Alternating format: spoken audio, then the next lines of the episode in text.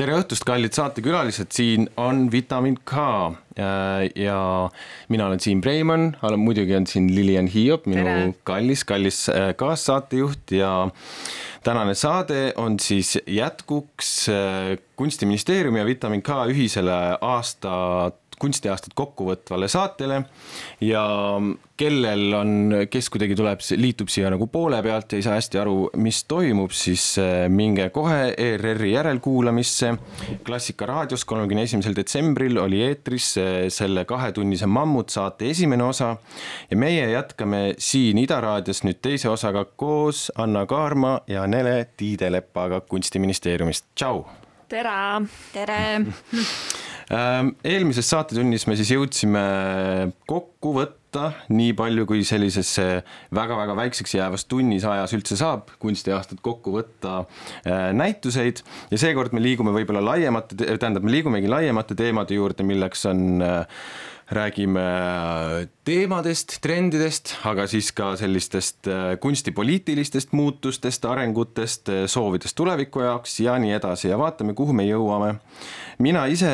võib-olla, äh, me oleme kõik siin laua ümber umbe, umbes sama vanad, aga kui ma mõtlen võib-olla mingite positsioonide peale, siis mulle tundub, et ähm, Anna ja Nele, teie olete võib-olla looja rollis ja mina ja Lilian oleme sattunud siis äh, võimaldavasse ja vahendavasse rolli ja selle rolli ja kuna üks on siis, mina olen kunstijoones töötanud ja sina oled eh, Temnikova Kasela galeriis töötanud, siis see fakt on see, et hoolimata siis nii-öelda põlvkondlikkusest kuulumisest, kuigi noh, põlvkonnad iseenesest on täiesti mõttetu termin, on ju, inimesed ei sünni kuidagi korraga iga kümne aasta tagant, aga midagi selles ikkagi on.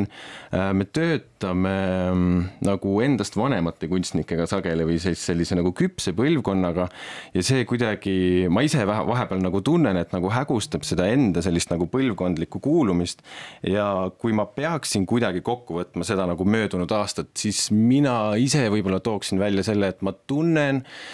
et äh, see nii-öelda uuem põlvkond või noorem kunstnikkond on hästi jõuliselt, hästi tugevalt areenile astunud ja milles see võib-olla nagu väljendub minu jaoks on teatud sorti tundlikkus äh, teemade käsitlemisel, et äh, sest äh, me oleme üles kasvanud, on ju vabas Eestis ja see ei ole sellist nagu emapiimaga kaasa tulnud ähm, kommunismi kogemust. Ja kuidagi ähm, ma mõtlen, et mingisugused teemad nagu näiteks seksuaalsus või sugu või, või sellised sotsiaalset identiteeti puudutavad teemad ei ole, ma ei tunne neid enam tingimata võib-olla sellises võit võitlevas äh, kastmes, vaid kuidagi konstanteerivas ja ka tundlikkus ja kuidagi poeetilises võtmes, et äh, ja, ja seda on mõnus on nagu tunda, et äh, sedasorti lähenemisviis sellistele kaasaegset noort identiteeti puudutavatele küsimustele nagu resoneerib, resoneerub hästi tugevalt ka sellega, kuidas ma mõtestan enda rolli ühiskonnas. Ja võib-olla kui siin on nüüd see väljatoomise koht, siis mina näiteks kuraatorina tooksin kindlasti välja Brigitte äh, Aropi, kes on äh, teinud äh, küll ka ütleme poeesiat selles mõttes, et tema korterinäitus, mis keerles ümber veeidee, aga samas viimased ja tulevad näitused keskenduvad just naiskogemusele. Chloe Jantsise ja Brit Pavelsoni näitus näiteks Võru Showcase'is või siis nüüd tulev näitus Kogo galeriis, mis peaks veebruaris, kui ma ei eksi, avanema, mida ma ei mäleta pealkirja, aga ma olen kuulnud kuulnud, et seda nimetatakse tüdrukute sõbranäituseks. et ühesõnaga, et just nimelt sellist ranget võitlemist ei ole, vaid see on kuidagi fakt, et see kogemus on kuidagi faktiliselt juba paigas ja siis sealt minnakse edasi, et see on nagu hästi-hästi huvitav minu jaoks. ja võib-olla kunstnikuna välja tuua siis just ähm, Saara Nõmm, kes äh, osaleb ka siis sellel äh, Kogo galerii näitusel, aga et, et tema oma loomingus oskab ka kuidagi siduda äh, materjale ja kujundeid äh, näiliselt väga-väga lihtsalt ja kõneleda suhetest, seksuaalsusest, lähedusest, vägivallast, ilust ähm, noh, sellisel viisil, mis ähm, ma ei tea, see on minu jaoks on see kuidagi erutav. Äh, mina tooksin äh, võib-olla meie põlvkonna inimestest välja Stella Mõttuse, kes on väga tublit tööd teinud Võru kunstiskeene aktiveerimisega ja temast minu meelest me oleme rääkinud juba ka eelmine aasta või vähemalt teda sisse toonud aga tõesti, ma loodan, et ta jõud ei rauge, sellepärast et äh, näiteks üks uusaasta lubadus, kui ma nüüd ette ruttan, äh, siis minul on küll see, et äh, pigem kui suunal teha reise Tallinn, Berliin, London, Helsingi, siis pigem tegelikult rohkem nagu Tallinn, Võru, Tartu, Narva, Riia võib-olla, et, et jah, minu meelest Stella Mõttus on nagu äärmiselt tublit tööd teinud Võrus ja just seda programmi juhtides ja, ja inimesi nagu ka pealinnast äh, Võrru tuues. et äh, kahjuks siis see liiklus nii-öelda teistpidi väga ei toimi, et ma ei tea, kui palju Võru äh, kultuurirahvast satub Tallinnasse näituse, näituseid vaatama, aga iseenesest see liin võiks nagu veel rohkem aktiveeruda ja, ja selles mõttes, et Stella Mõttus on minu meelest andnud nagu kogu nagu kõik selle komplekti, et see võiks juhtuda, et nüüd on nagu meie kui kunstipubliku ja kunstiinimeste positsioon, seda, seda siis kasutada ja tõesti seal käia ja, ja selle Võru kunstiskeenega samuti lähemalt tutvuda. see on, siin on üks, see on võib-olla tüütu ja ebavajalik kõrvalepõige sinu jaoks, kallis sõber, aga seal on päris huvitav on, mis huvitav, paratamatu on see, et seal on materiaalne takistus, ma käisin ise nüüd ka nädalavahetuseks paar kuud tagasi avamisel Võrus ja siis eh, ei olnud sõpra tookord, kelle diivanile minna ja oli autoga minek ja ütleme niimoodi, et selle raha eest ma oleksin saanud käia Helsingis ja tagasi ja seal veel eh, kolm korda kallis restoranis süüa. Ühesõnaga, et see on päris, see võib ootamatult äh, nagu kallis olla, lihtsalt nagu oma kodumaal korraks nagu ringi liikuda väga-väga, väga väikeste žestidega, nii et see on ka see, miks need üksikud korrad, kui äh, korraldatakse selliseid kunstibusse ja nii edasi, et need on selles mõttes nagu vajalikud, et, äh, et see on äh, sageli noh, see kõige kättesaadavam viis või kõige jah, majanduslikult mõttekam viis inimestel seda kunsti kogeda, aga kindlasti nagu alati me saadame Ida Raadio antennist armastust siit Telliskivist ka kõige kaugematesse Eesti nurkadesse. kuidas kuidas teile teemade ring ja mingid trendid esil äh, näiteks Nele? seoses äh, nende noorte kunstnikega, kes on sisenenud väljale, mulle tundub, et üks asi, mis on kuidagi väga üldine ja levinud ja ma olen ka ise hakanud seda väga endastmõistetavana võtma, on see nagu, et see väli, millele sisenetakse, on kuidagi nii hägune või et ei ole sellist asja, et sa lähed ja hakkad näitusi tegema ja teed näitusi ja siis ongi lihtne ja hea, vaid sa kuidagi oled nii paljudel aladel korraga ja ühest küljest see on väga tore ja meeldiv, sest et siis on võimalik kuidagi olla laiahaardeline ja kohtuda väga paljude erinevate inimeste ja teemadega. Ja näiteks äh, üks inimene, kes äh, teeb seda väga edukalt, on minu arust näiteks Gregor Kulla, kes on äh, ise helikunsti taustaga, õpib tegelikult EMTA-s hetkel, aga näiteks ka kirjutab hästi palju ja kirjutab nii visuaalkunstist kui etenduskunstist kui muusikast, et see noh, tema võime siis hoomata kõiki neid kolme või, või mida iganes sinna veel juurde lisada, minu arust väga-väga imetlusväärne. aga samas jah, mulle tundub, et sellega kaasneb tihti selline äh, paratamatu olukord, kus äh, ollakse ennast lihtsalt rebinud liiga mitmes suunas äh, ja võib-olla sellega kaasneb äh, väsimus, kurnatus ja nii edasi mm,. võib-olla tingimata siin üks ei välista teist, et see üks on, üks on nagu enesehoolevõtted ja teine on siis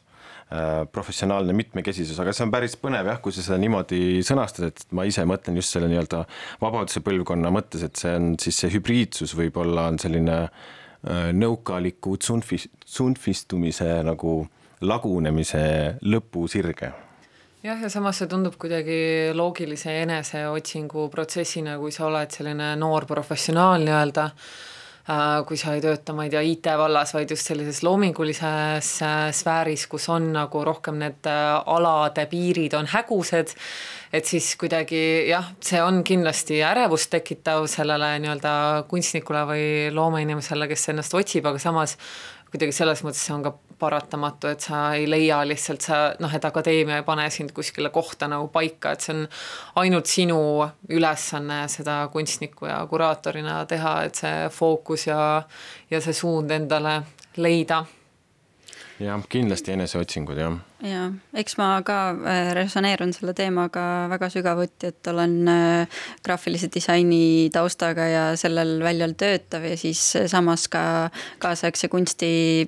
näituseid tegev ja, ja üritan kuidagi olla äh, erinevate valdkondade vahepeal ja, ja see tundub, et on ka üldse selline ühiskondlik tendents, et ühest küljest, ühest küljest me liigume nii spetsiifilisse äh, maailma, igaüks eraldi erinevates valdkondades, kus äh, kus teised ei saa enam, kes ei ole sellest, sellest valdkonnast, ei saa enam aru tegelikult, millega sa tegeled, samamoodi on ka see kaasaegse kunsti spetsiifika ja selle sees veel omakorda igasugused äh, väike, väikesemad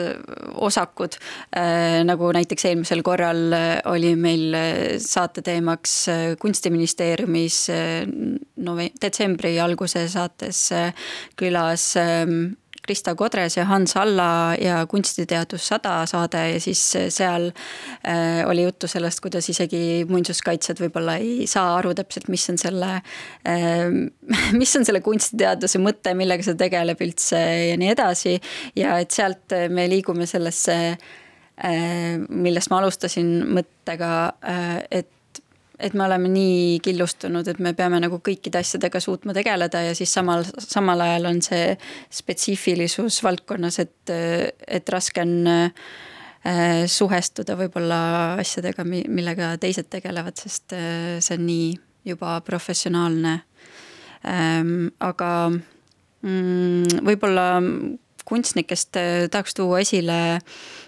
Keiu Maasiku, kellel on sellel aastal olnud äh, äh, ka mõnus jätk oma varasemale praktikale foto ja põhiliselt videokunstnikuna. et ta osales EKKM-is näitusel Crawl out to the oota, kuidas see näituse pealkiri oli nüüd? Crawl out through the fallout. jah, mille kuraatoriks oli Marko Laimre ja, ja see oli videomängude teemaline mm, näitus, kus Keiu siis ainsa naiskunstnikuna käsitles ka videomängude eh, esitlust läbi siis ähm, selle, et ta mängis äh, ühe Eesti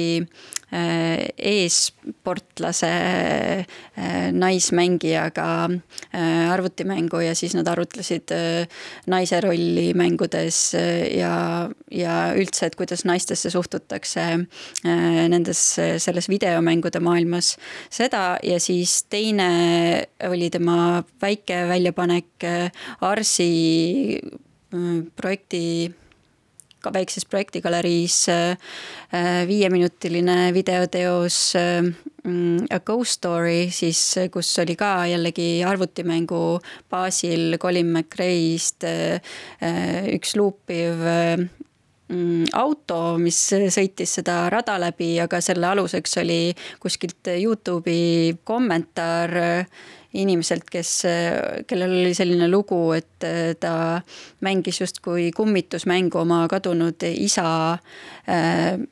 rekordiga. ja isa rekordiga, rekordiga ja, ja see, see oli nii lummav, Madis Kurss oli sinna äh, loonud sihukese helitöö taha, ei heli tausta ja, ja see oli nii lummav selles, see lugu iseenesest, kuidas äh, see mängija äh, muutus aina paremaks ajas kogu aeg, et saada oma isa rekordtulemusele lähemale, aga siis lõpuks ta oli juba nii hea, et ta jäi siis alati enne finišit äh, pidama, et ta, et see kummitus, kes temaga kaasa sõitis, ehk siis see isa varasem rekordtulemus ei kaoks sealt ära sellest jah, esikohalt, nii et selline tore kummitus sünnituslugu. jah, ma arvan, et see on sujuv äh, üleminek, äh, kui rääkida, et mis on esil ja mis on teema, siis kindlasti, eks ju, virtuaalsus ja tehisintellekt, et äh, et see on jälle, ma ise tunnen üldse sellise uue meedia tehnoloogilise kunstiga mingisugust kimbatust, on ju, mis tuleb ilmselgelt minu huvidest ja profiilist kahaneda ja ainult mullast ja õhust ja armastusest kunsti teha, on ju, aga teistpidi peab nagu endale aru andma, et et äh, noh, kuidas öelda, et võib-olla sellised nagu tehnoloogiliselt uuenduslikud äh, praktikad sageli jäävad sisuliselt õõnsaks, aga samas nende nagu funktsioon ongi see vormi eksperiment ja see noh, nende vahendite nagu edasiarendamine, et sest et, et kui kuidagi ma jääks enda sisehäälele väga truuks, et siis tegelikult selles, milline see kunst on, milline ta välja näeb ja mida ta nagu oma koostises teeb, on väga arhailine ja nagu liigub pigem ajas tagasi ja jääb kinni, nii et see mingis mõttes on see loomuliku kasvu jaoks on see pinge nagu vana ja uue vahel hästi-hästi oluline aga noh, ma ei saa mitte midagi parata, et kui ma vaatan need ai töid, on ju, ja meil on ka kunstnikke juba, kes äh, kasutavad seda, rakendavad äh, visuaalide loomiseks ja niimoodi ja töötlevad neid ümber ja ühesõnaga üritavad siis läheneda kuidagi kontseptuaalselt või mingi autori positsiooniga sellele uuele pildiloojale, siis äh, ma vahel tunnen sellist nagu kimbatust, et kui keegi on lugenud seda, kuidas Baudelaire kirjutas Pariisi salongist üheksateistkümnenda sajandi lõpus ja laitis foto maha, et see on täiesti mõttetu mehaaniline meedium ja sellest ei saa mitte kunagi kunsti. et siis äh, ma mõtlen, et kas ka mina oma selles vastumeelsuses selle uute tehnoloogiate suhtes olen juba, juba see vana mees nagu et ma juba olen äh, kahe jalaga minevikus ja mm, juba nagu maha jäänud, et et äh, ja ma arvan, noh, me ei teagi, kuhu see liigub, sest et kindlasti sedasorti visuaalid on väga kiiresti asendamas paljude-paljude äh, selliste mm, laias mõttes kunstisõprade jaoks seda vajadust ja seda rahuldust, mida nad tegelikult visuaalsusest saavad, et mul on endal sõpru, kes äh, genereerivad endale pilte ja siis lasevad lõuendile trükkida, panevad seinale ja absoluutselt ei näegi mitte mingisugust selgitust sellele, et miks nad peaksid seda kuskilt mujalt saama. ja no selle termini nimi on poolaart jah, kui sa teed seda ainult sellise visuaalse eesmärgi nimel, aga, aga jah, see ai teema on muidugi viimasel ajal väga populaarne, aga mulle tundub, et sellises vormis, nagu ta praegu on nii-öelda massidesse ja popkultuuri läinud, ta ikkagi on selline one trick pony et ma ei näe, et seda nagu jäädakse kasutama, et minu meelest see rõhuasetus nagu noore põlvkonna ja tehnoloogia vahel on natukene kuskil äh, mujal. Äh, ja see on võib-olla just nagu ühest küljest äh, nad oskavad väga oskuslikult kasutada tehnoloogia vahendeid, et enda teoseid ja enda mõtteid edasi anda ja loomulikult ka teatud määral manipuleerida sotsiaalmeediaga ja sealse nii-öelda kohaloluga. aga samuti ma näen näiteks äh, esteetika puhul just äh, sellist võib-olla nagu tehnoloogiast selles mõttes äh, kaugenemist, et äh, mida mina olen kutsunud äh, posthumanistlikuks esteetikaks, mis tähendab just seda, et vaadatakse rohkem nagu looduse poole ja üritatakse nagu kuidagi inimene kui selline keskne agent võib-olla nagu kõrvale lükata ja vaadata sinna taimede ja bakterite ja seente ja kõige selle poole ja selline nii-öelda võib-olla, ma ei mäleta, kas see oli nüüd Müürilehes hiljuti vist seda tituleeriti sookolli esteetikaks, et tegelikult tegelikult kui me vaatame neid äh, lavastusi, millest siin eelmine saatetund äh, juttu oli, Neti Nüganen ja Jete-Loora Hermannis ja kõik need sellised uued Uh, uue põlvkonna etendajad ja kunstnikud, et siis seal tegelikult hästi palju näeb nagu just sellist hästi toorest uh, nagu sihukest uh, mittetehnoloogilist uh, nii-öelda elementi, et pigem just niisugune nagu aga mis on sellest inforeer-, informeeritud, et ta peegeldub läbi selle absoluutselt, ja ta ruumi. kasutab mm -hmm. oma enda nii-öelda võimendamiseks äh, sotsiaalmeedia ja tehnoloogia vahendeid, et kõik see, kuidas see on üles võetud, kuidas see on filmitud, kuidas see, mis, millised fotod neist on tehtud ja nii edasi mm, -hmm. kuidas neid on äh, arvutis manipuleeritud, enne kui nad jõuavad mm -hmm. Instagrami ja kuskile mujale, Trendsetter äh, veebiväljaannetesse näiteks nagu Ofluxo või Kuba Paris või Svetnik on ju et, äh, et nad ikkagi nagu jah, et, et minu meelest jah, et see iseenesest nagu neid ei huvita, et vau, mis see ai nagu teeb, vaid, äh, vaid jah, see rõhuasetus on nagu kuskil mujal natukene mm. -hmm. ja riivamisi selle sookolli esteetikaga seondub mulle Äh, selline termin, mis on kuidagi minu ümbruskonnas läinud käibele, ma ei tea, kuidas, kas see üldse päriselt eksisteerib, on pudikunst, mis on siis selline, selline kunst, mis tegelikult ei annagi ennast nii väga galeriiruumis kätte, vaid pigem just äh, läbi dokumentatsioonide. Ja ma arvan, et see on tegelikult, muidugi see ei ole sellel aastal esile tõusnud teema, vaid juba pikem asi, aga see kuidagi äh,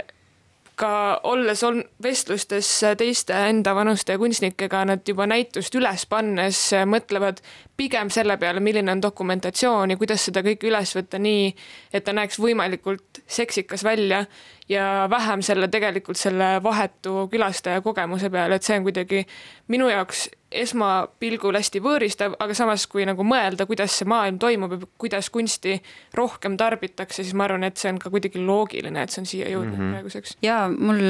selle Nele jutuga seoses praegu vahele tuli mõte äh, võib-olla esimestest sellisest äh, originaal versus dokumentatsioon kogemustest äh, Katja Novitškova tegelikult, kus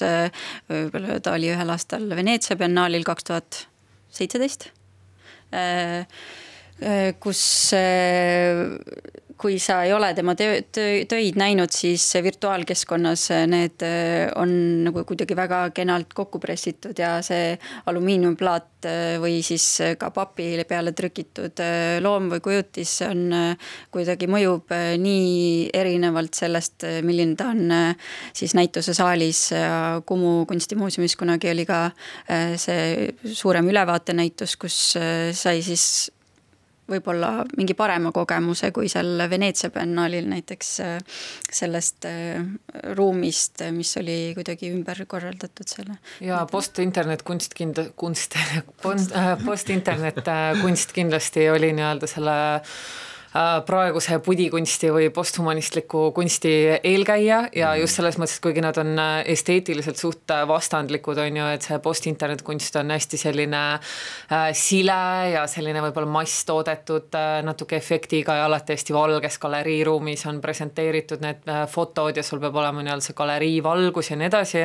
siis posthumanistlik kunst on nagu justkui natukene vastand sellele, nagu me enne arutasime, nii et mis tema need äh, nii-öelda tunnused on, aga, aga üks asi, mis neil on tõesti sama, on see, et see fotodokumentatsiooni tähtsus ja see, et kuidas need näitused levivad, on ikkagi väga palju nagu piltide ja fotode vahendusel. et see on niisugune pärand mm -hmm. post-internetkunstist, mis, mille hiilgeaeg oli võib-olla niisugune kaks tuhat kümme, midagi sellist mm. -hmm. ja, ja nüüd siis ka need virtuaalnäitused, et äh, siin äh,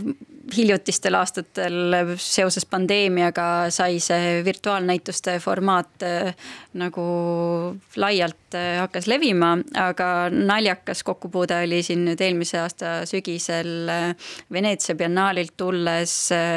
jõuda koju tagasi ja siis põhimõtteliselt järgmisel päeval peale näitust tuli siis teade, et et et kaasaegse kunsti Eesti Keskus ja Tallinna Kunstihoone koostöös andsid äh, välja siis äh, sel aastal Veneetsia biennaalil toimunud äh, näituse Arhideliirium Isu külluse järele, mille kunstnikeks olid siis Kristina Norman ja Pitara Savi, et selle näituse kuidagi minu jaoks järelkaja oli kohe selle virtuaalkeskkonna näol, mis oli nii veider, et sa oled just sealt näitusesaalist tulnud ja siis see tekitab selle küsimuse, et et kas sa ei peagi siis sinna nagu näitusele võib-olla üldse minema või et või noh, et kuidas ta mõjus siis nagu vastavalt äh, seal päriselt keskkonnas kohal olles või siis äh, virtuaalkeskkonnas. aga noh, kuna te tegemist oli suures osas nende pikkade videotöödega ja filmidega, siis tegelikult seal virtuaalkeskkonnas see ju isegi õigustas ennast ja toimis nagu hästi. Jah, ma ei tea, kas ma võib-olla eelmises aasta kokkuvõttes ka, seda kirjeldasin, aga kunstijoones, kuna nüüd suure saali näitused lähevad virtuaalseks kõik, peaaegu kõik, on päris kuraatorile päris huvitav olnud kuna eelmises saatetunnis me rääkisime ka sellest, kuidas iga näitus on, on ju võrsub, nad võrsuvad järjest teineteisest välja ja minu jaoks, kui ma loon, äh, koostan kuraatori näitust, ma mõtlen selle peale väga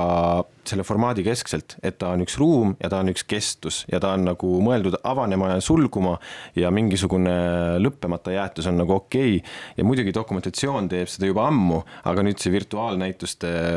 tulek on nagu justkui pretendeerib mingisugusele paremale või põhjalikumale vahendusele ja siis äh, see oli õudne, kui ma sain aru, et aa, oota, et see ei lähe mitte kunagi ära, et noh, et mina teen seda selle mõttega, et see saab läbi ja ma teen järgmine kord paremini ja nüüd neid muudkui salvestatakse ja salvestatakse ja salvestatakse, et see on päris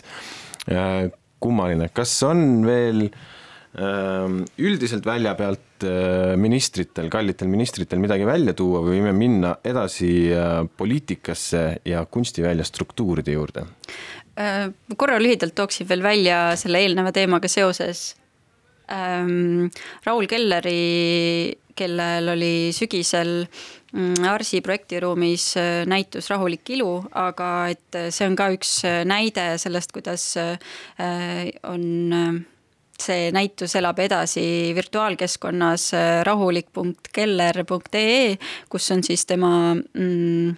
sellised digitaalsed 3D äh, skulptuurid äh, endiselt kättesaadavad, nähtavad, sirvitavad ja muditavad siis oma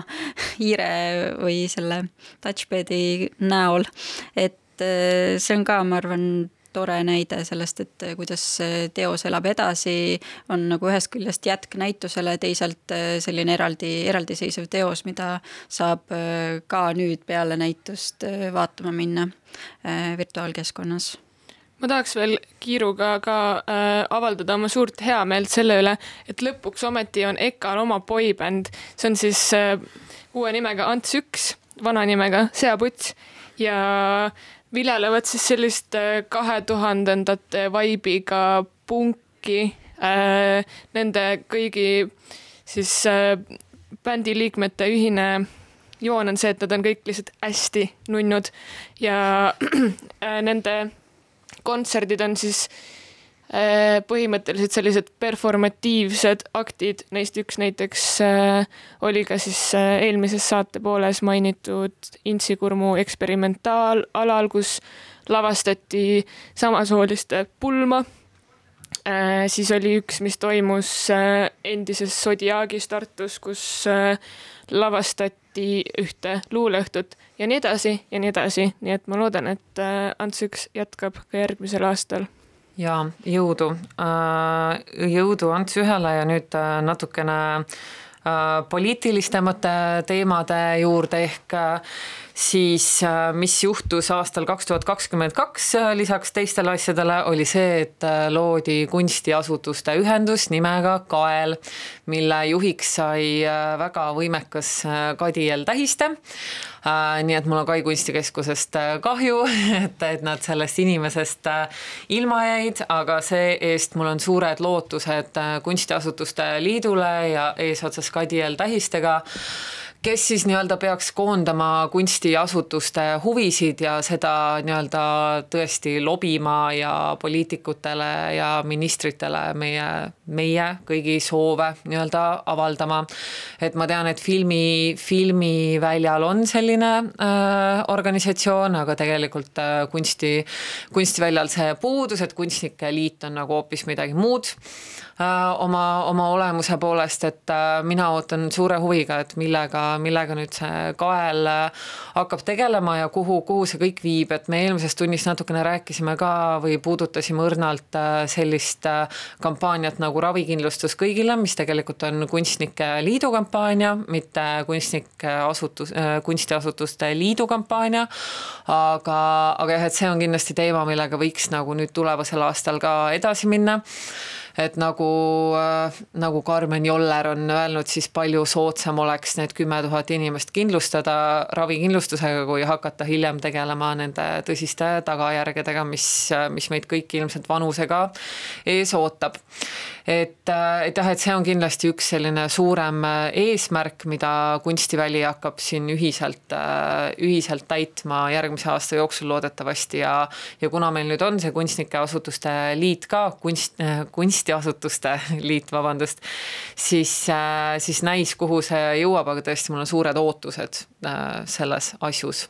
Jah, ma loodan ka, et see niisugune seisev vesi ja niisugune patiseis eh, saab nagu läbi, sest et kui räägitakse näiteks näitlejatest, kellel on, on ju äh, nii-öelda siis loomeliidu kaudu kehtestatud miinimumtasud ja nii edasi, siis see kõik peakski nagu jõudma niimoodi, et meil on nüüd lõpuks näitusemajade liit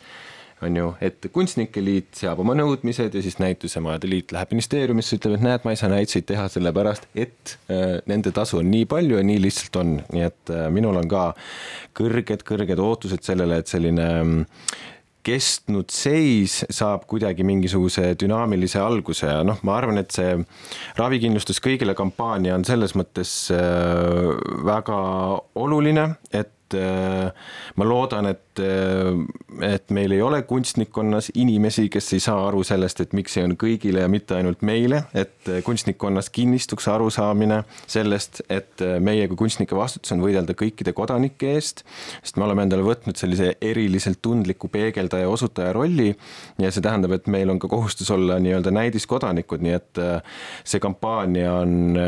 ma arvan, et liigub õiges suunas ja näitab seda, et kui me tahame midagi, antud juhul siis ravikindlustust, siis siis äh, me tahame seda ainult siis, kui see on ka teistele kättesaadav. ja sellised toimetuleku küsimused, noh, miks me sellest räägime, sest me räägime sellest muidugi, et kunstnikud on prekaarses olukorras ja nii edasi, aga see ei ole nagu meile ainuomane olukord ja need küsimused äh, muutuvad aina aktuaalsemaks, mida enam töö iseloom muutub ja asjad automatiseeruvad ja nii edasi, nii et see kodaniku väärikus, kunstniku väärikus on kodaniku väärikus.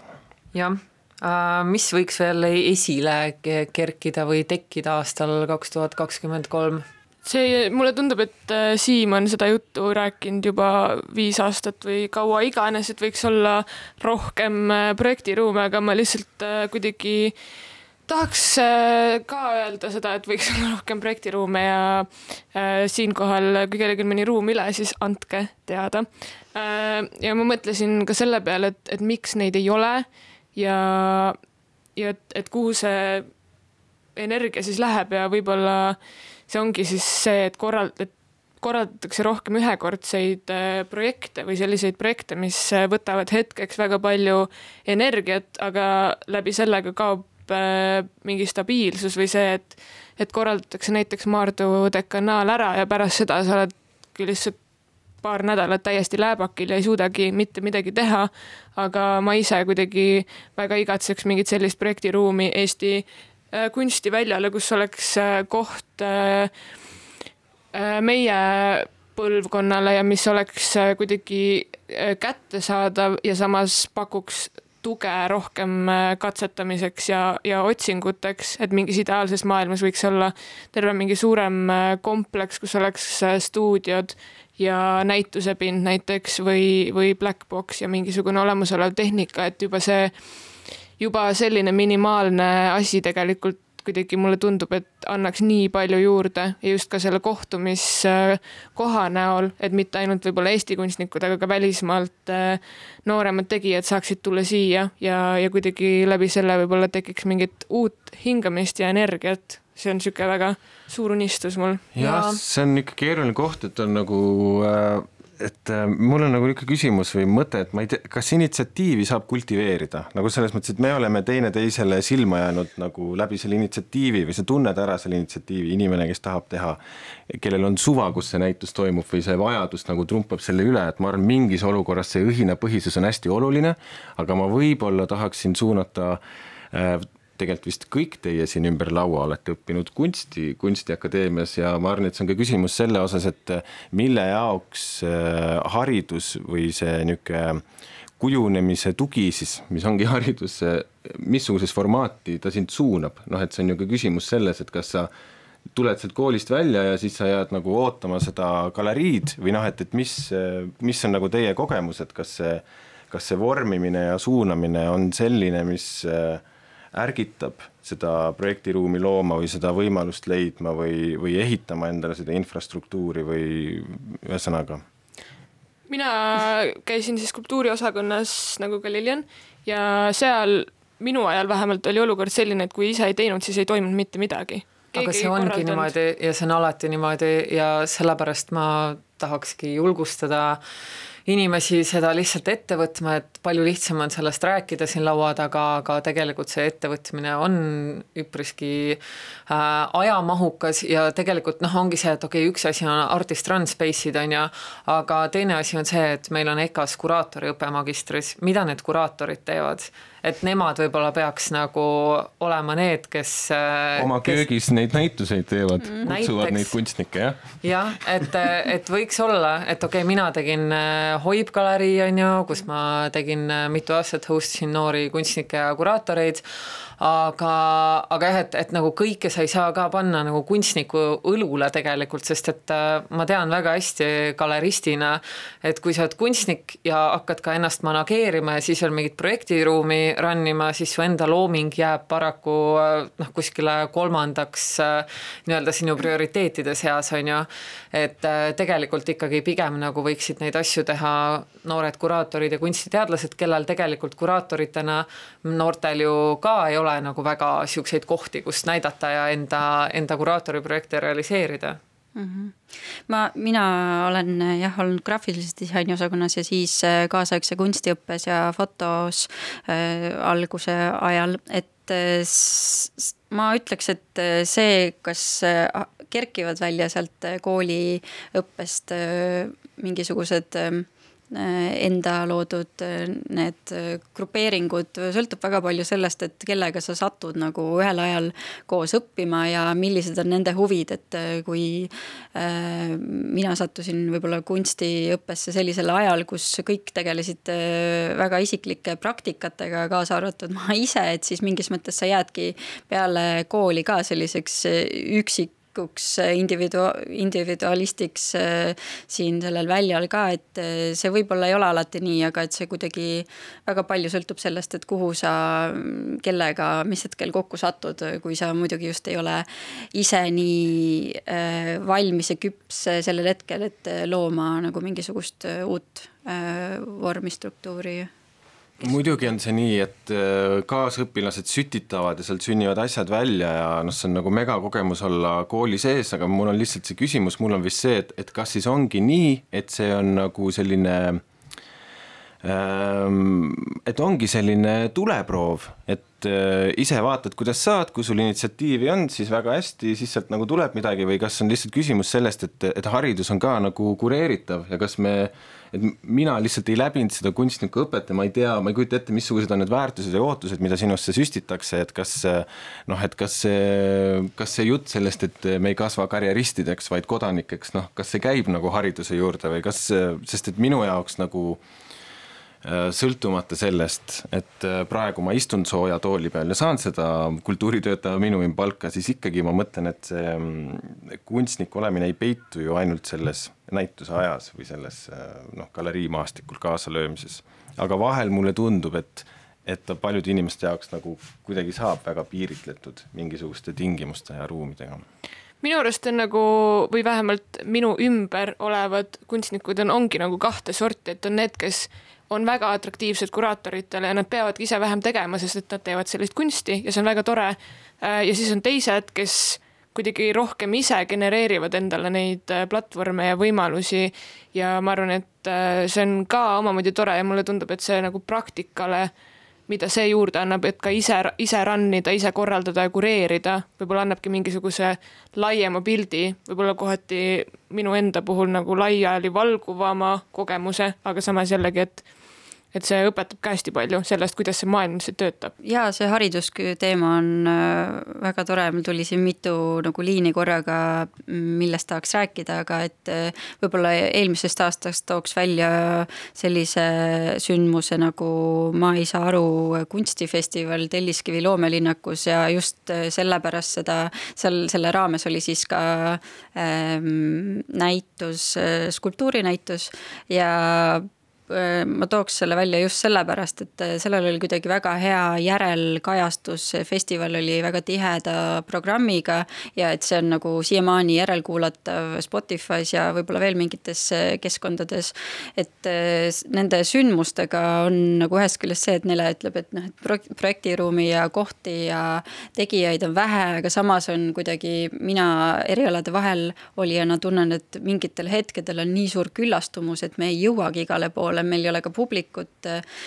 nende sündmuste jaoks, mida me ise võib-olla korraldame või milles me osaleme. et äh, see on kuidagi väga kahe otsaga, et ühest küljest äh, oleks vaja kogu aeg nagu juurde seda kultuuri, aga teisalt vot see on äh, üks mõtetest, mis ma kirja panin, on täpselt see, et äh, mis võiks esile kerkida järgmisel aastal, mina ütlen, et palun rohkem mittenäitusi ja vähem publikumenu, sest et äh, see paneb räige pinge peale sellele loovusele, kui sa hakkad sinna neid numbreid külge panema või sa mõõdad seda. ja ma arvan, et väga suur on näituseid, mida peab niimoodi mõõtma, mida saab niimoodi mõõta, aga et on ka väga suunatud sekkumisi ja juhtumisi ja asju, mis,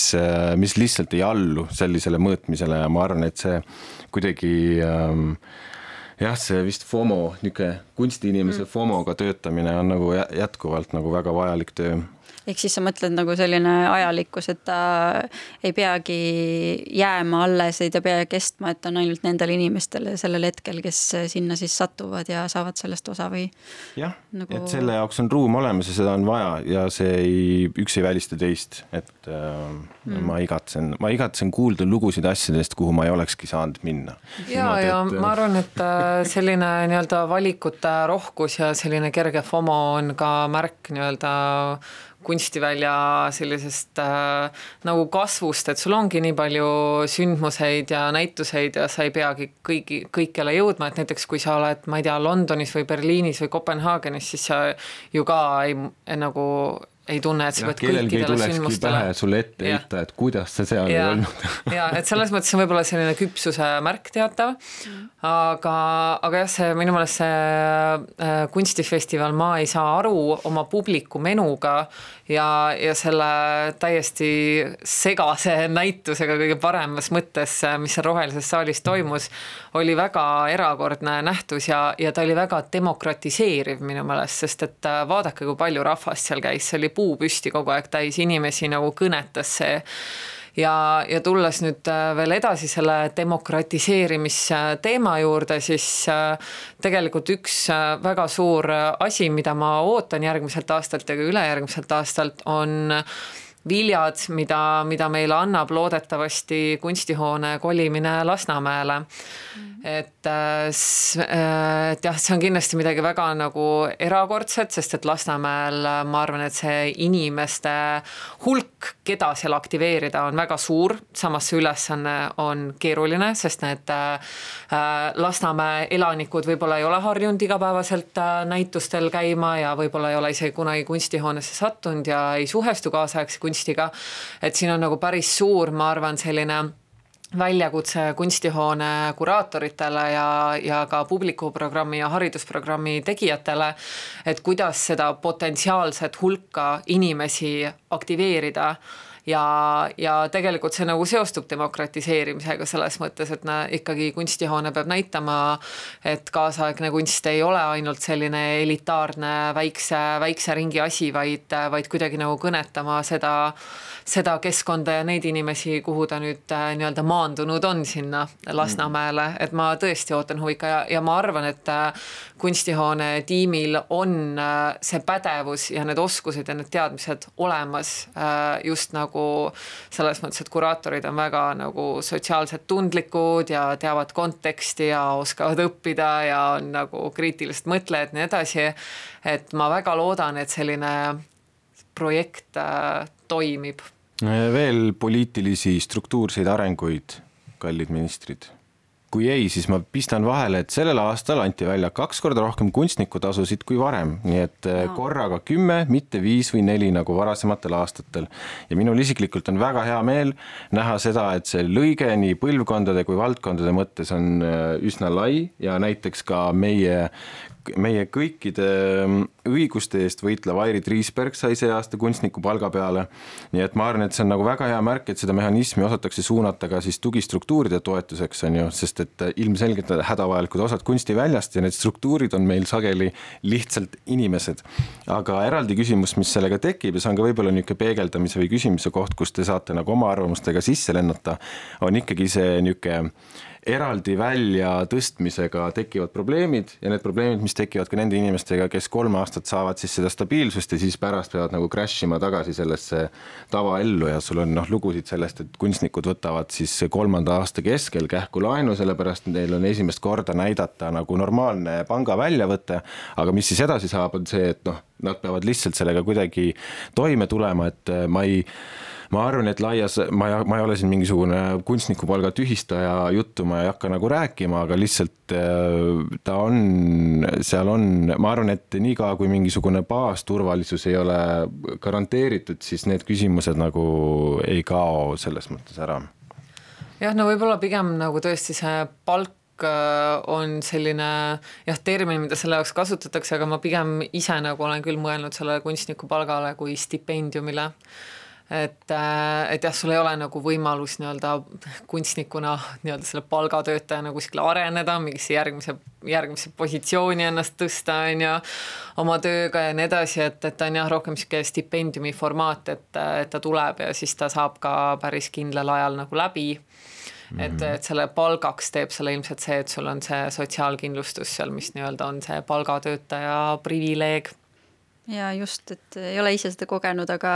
tundub, et see suur erinevus on just ju selles, et kui on näiteks elaja sära stipendium, siis sellel ei ole just seda äh, ravikindlustust sealjuures, mis äh, on ju ikkagi väga suur miinus, et, äh, et ühest küljest on privileeg, teisalt mitte nii väga. see on, ma arvan, hea selline kuidas kunstniku palka sõnastada, et on nagu mingiks ajaks lihtsalt selline lisa, lisa sissetulek ja kindlus, stabiilsus, et kõlab hästi, teine asi on äh, kunstnik, kultuuriministeeriumi poolt välja antav see loometoetus, et et äh, mida olles ise kogenud, on tõesti nagu hea tunne nagu mingiks ajaks, kuigi see on nagu kordades väiksem. Äh, aga sinna juurde siiski kuulub see ravikindlustus ja praegusel hetkel olles ilma selleta on ikkagi natukene ebamugav tunne ja küsimused, et mis nüüd sel aastal saama hakkab, et. nii et Kõik ravikindlustus kõigile. aga mm, no ma lihtsalt mõtlen siin, kui hakata seda edasi urgitsema, et siis on ka, ma olen kuulnud ka selliseid versioone inimeste käest, et, et kui kui me liidaksime kogu selle palgafondi kokku, mida iga aasta selle peale läheb ja näiteks kaotaksime selle kunstniku palga ära, aga liigutaksime need vahendid siis nagu ähm, asutustes normaalsete tasude tõstmisesse, et see nagu noh, see on jälle niisugune struktuuri küsimus on ju, et äh, kas äh, noh, kas asutus saab raha või kunstnik saab raha või kuidas on ju, aga et noh et kui see eesmärk oleks ka näiteks see, et kui sul on suures näitusemajas näitus, on ju, siis ideaalis võiks saada selle eest niimoodi tasu, et sul on näiteks pool aastat palka olemas niimoodi, et sa saadki nagu pool aastat täis töökohaga näiteks teha Kumu viiendat korrust, on ju. aga noh, et ähm, siis jällegi see eeldab seda, et on mingid asutused, kes töötavad mingi sellise loogika järgi, on ju, ja siis sellised huvikaitsjad äh, võib-olla jääksid ilma või. no vot, see võiks olla nüüd siis järgmine samm lisaks nendele kunstniku palkadele ja asjadele, et äh, ma arvan, et see väikse potikese ümberjagamine kuskil kellegi järg, järjekordse hea idee äh, põhjal nagu ma ei tea, kui väga see toimub, lihtsalt väljale on raha juurde vaja. Ja tegelikult need summad, millest me räägime, on marginaalsed ja need on kunstnike jaoks nii olulised ja kunstitöötajate jaoks, aga nagu riigi lõikes ja arvestades mingisuguseid teisi valdkondi, no need on lihtsalt nagu naeruväärselt väiksed summad. Ja siis tuleb jah, ja, ja, ja muidugi on neid trotsi täis inimesi, on ju, kes ütlevad, et miks, miks kunstnik saab järsku kodanikupalka, on ju, et mille eest ta selle ära on teeninud. et äh, noh, see on ikka väga kitsarinnaline vaade, sest et noh, kui sa ei näe nagu enda palgatööst nagu kaugemaid võimalusi, siis äh, sorry, aga sa oled nagu nõukaaega natukene kinni jäänud. et äh, lihtsalt äh, jah, väljal on raha juurde vaja ja eriti arvestades kahekümne viie protsendilist inflatsiooni, mis, mis on Eestit tabanud ja see ilmselt tõuseb ka järgmisel järgmisel aastal veel kümme protsenti et see on nagu noh, väga tore, et kultuuritöötajate miinimumi või kestmist jälle natukene kergitati, aga ma loodan, et see nagu jätkub ja ja sellepärast ongi just eriti oluline see kunsti, kunstiasutuste liidu nagu töö ka ja just selline nagu sisuline ja, ja pikaaegne töö, et ega need muutused ei juhtu üleöö, aga lihtsalt on vaja ka harida neid inimesi, kes on poliitikas ja ministeeriumites, et millest see kunstiväli nagu koosneb ja et kunstnik poliitikutel on vaja raha, et elada kallid kindlustamata kolleegid, milliseid tundeid tekitab teis kultuuritöötaja miinimumi tõus jaanuarist? mul on väga hea meel teie üle jah, ja, ja, ja sellega on ju ka see kriitika on ju, et see ikkagi puudutab tegelikult väikest osa kunstitöötajatest. sinna ma lootsingi urgitseda meid et äh, see on selline,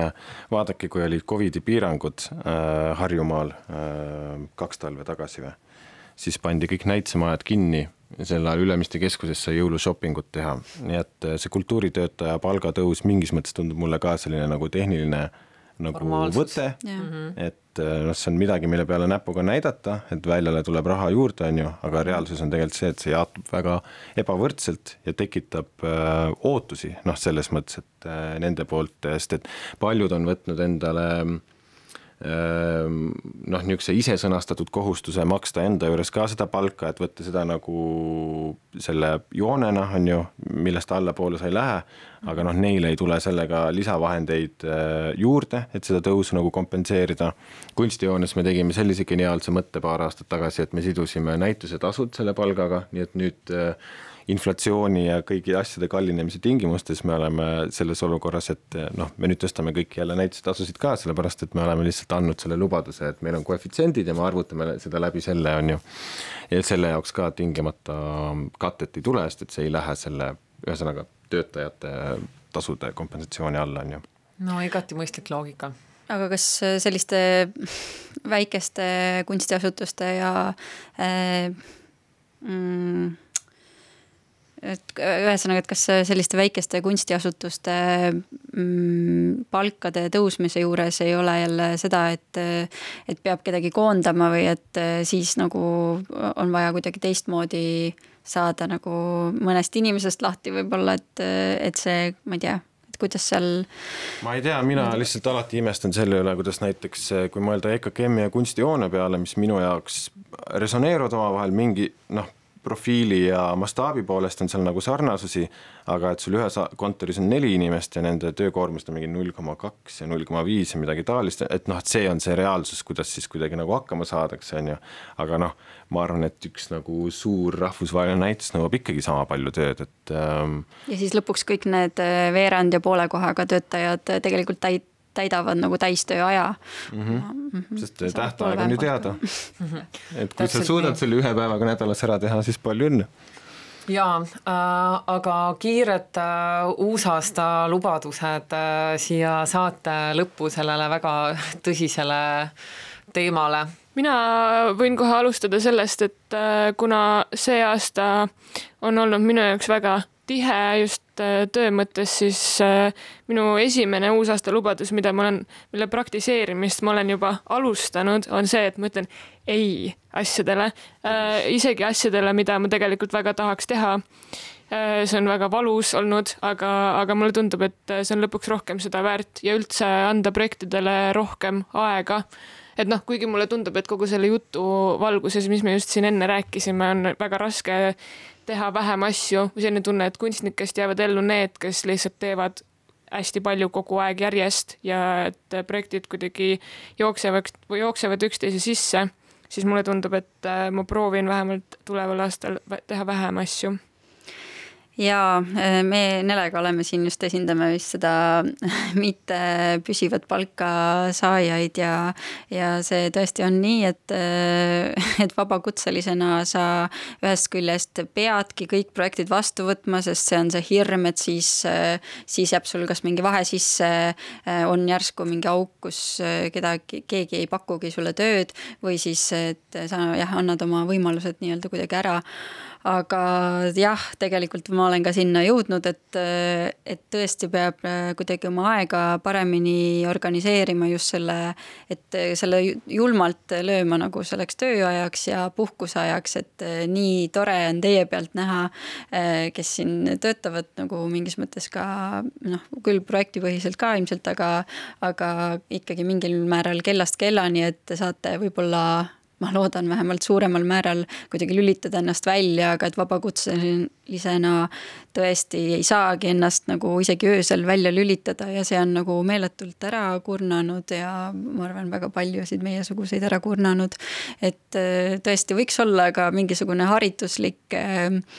kuskil sektor pühendatud nüüd sellele, kuidas äh, endaga hakkama saada selles kiiresti muutuvas maailmas, kus me peame kõike oskama, kõike ise tegema, sest et rahalised võimalused puuduvad võib-olla kellegi teise palkamiseks, enda projekti kaasamiseks mm -hmm. ja, ja siis jah, et kuidas siis selle juures ise ellu jääda, et kuidas teha natuke vähem, aga teha kvaliteetselt. see on täpselt see, millest me rääkisime, on ju, et äh, kuidas olla musterkodanik, aga kuidas olla musterkodanik prekaarsetes tingimustes, et äh, see on, et ma saan, ma olen ise ka vaadanud kõrvalt äh, neid äh, aastaid, iga aasta on, eks ju, erinevatel kunstnikel need aastad, kus on lihtsalt üksteise otsas asjad, on ju, ja see ongi täpselt see, et ühelt poolt äh, geniaalne, noh, palju õnne, et sa oled leidnud nagu hõive või noh, et, et see on ju, see on ju see töö, mida sa teed ja see ongi ju, et see on hea, et sa oled järjepidevalt saanud selle nagu katta, on ju. aga teistpidi jälle noh ma ei tea, kas see on loomulik tempo nagu selle jaoks, et sa saaksid anda endast äh, seda pühendust nendele asjadele, mis on vaja teha, et see ka erineb väga äh, tüpaažilt, et see on selline noh, lõppematu on ju prakti-, praktilise poole ja loova poole vahel tasakaalu leidmine, aga üks nipp, äh, mida mina olen hakanud kasutama nüüd selliste kõrvalotste jaoks, kasvas välja sellest äh, Airi ja Maarini tehtud äh, kunstivälja palkade juhendist ja sealt siis äh, selle mm, eelmise aasta palga järgi vist on umbes neliteist eurot tunnis, on siis see kultuuritöötaja miinimumpalga on ju tunnihind ja kui mulle tuleb igasuguseid, noh, need on pigem on ju otsad, mitte siis väga kestvad tööd, aga ikkagi ma siis lähen sellesse juhendisse ja mõnikord nagu aitabki nagu seda valikut ka teha see, et äh, kas see, kas see ots tuleb mulle kasvõi poole peale vastu, nagu et kui ma võtan mingisuguse, mitte isegi selle unistuste tasu sealt sellest mingisugusest tabelist, vaid sa arvutad läbi, et nii, tule tee tuuri sellel asjal, on ju, siis hakkad mõtlema, mitu tundi on ettevalmistuseks, on ju, kohavisiidid, on ju, noh, nii edasi, nii edasi. ja saad sealt mingisugune noh, mitusada eurot, on ju, et kui see aeg oleks päriselt makstud niimoodi, nagu ta mul kulub, ja siis äh, noh, vahel nagu näkkab, aga see on mingisugune selline filter võib-olla, et sa õpid enda väärtust ka nagu tundma või vahel on nagu hea vist sellised mõõdikud nagu. ja ei tohi lasta ennast ise koloniseerida jah jaa. et kui me siin esimeses saatetunnis ehk siis äh, Kunstiministeeriumi saate osas alustasime sõja teemaga ja äh, raskete aegadega ühiskonnas, äh, et kuidas seda kõike käsitleda ja kui sealjuures tundus äh, kunstniku perspektiivist võib-olla veider või isegi nagu äh, Äh, kuidagi halvaks panu ka tuntav teema iseendaga tegelemine või end, ennast puudutavate kohalike väiksemate äh, olmeliste teemadega tegele-, tegelemine, siis teisalt see on nagu selline enesehool, mis aitab meil võib-olla ka elus püsida, jätku, jätkuda ja areneda, edasi olla, et jah absoluutselt on..., sa ei saa teisi aidata, kui sa ise oled väga halvas kohas. nii et äh, hoolitsegem eelkõige alustuseks enda eest, aga ärgem unustagem neid, kes kes ka vaevlevad ja mm. ma mhm. arvan, et äh, koostöös peitub jõud ja tõesti, et see Maarini ja Airi tehtud äh, nii-öelda viidete süsteem või manuaal, et kuidas neid tasusid küsida, et kuigi see on praegu rohkem selline ideoloogiline, siis siiski me võiks selle kõik ette võtta ja üle vaadata ja eks see algabki sellisest äh, võib-olla ulmestsenaariumist, aga kui me kõik seda praktiseerime ja seda kommunikeerime, siis äh, siis ma arvan, et see on täiesti võimalik. ma siis annan meile kõikidele koduse töö see on meile neljale ja see on kõikidele meie kallitele kuulajatele. Ja see on midagi, millega mina töötan praegu ja mis siis resoneerub ka Nele soovidega selleks aastaks,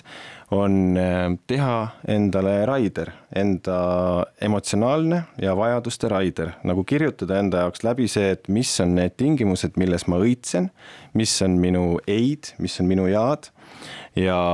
mina olen küll kogenud seda, et oleks üliülikasulik, kui uute loomekoostööde alguses me saaksime kuidagi, sest me ju tunneme ennast, me teame, mis meile nagu meeldib, me saaksime kohe panna lauale ja leida selle ühisosa, et mis on see kellaaja tingimuste, meetodite, see kirgas ühisosa, mille sees me saame töötada ja me saame nagu väärtustada teineteise piire, noh et,